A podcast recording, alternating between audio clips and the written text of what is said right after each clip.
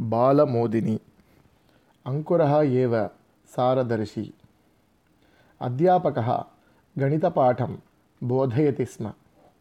छात्राः अवधानेन शृण्वन्ति च। अध्यापकः अवदत्।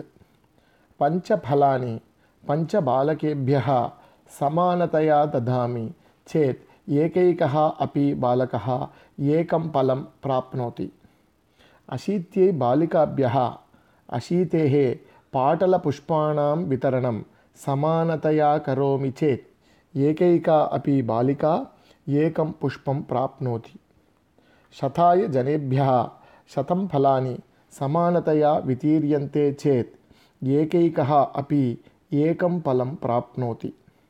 एतस्मात् स्पष्टं यत् या कापि सङ्ख्या तयैव सङ्ख्यया बाध्यते चेत् भागलब्धम् एकं भवति इति।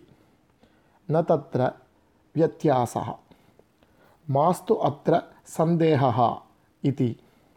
तदा अन्तिमात् आसनात् कश्चन बालकः उत्थाय आचार्य मनस्तु मे संशयमेव गाहते इति अवदत्। कः सन्देहः भवतः? पृच्छ्यतां कामम् इति अवदत् अध्यापकः। आचार्य शून्यमपि काचित् सङ्ख्या ननु। शून्यं शून्येनैव बाध्यते चेत् उत्तरम् एकं न भवति।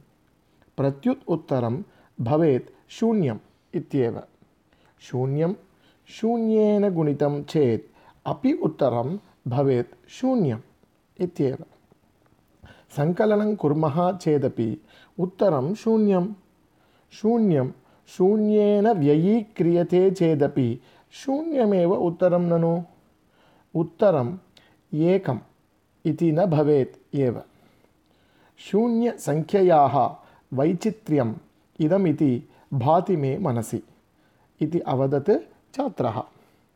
तस्य तार्किकीं वादसरणिम् अविज्ञाय केचन छात्राः उपहासं कृतवन्तः परन्तु अध्यापकः स्तब्धः जातः निर्विण्णचेतस्कः सः अचिन्तयत् अयं बालकः अस्ति असामान्यमेधावी भाविषु दिनेषु अयं नूनं महागणितज्ञः भवेत् इति सत्यम् अयमेव महागणितज्ञः भारतीयकीर्तिपताकारूपः श्रीनिवासरामानुजमहाशयः श्रीनिवास अय्यङ्गार्यः கோமலாம்பாள் இத்தனையோகோ சுபுத்திரஹா அயம்.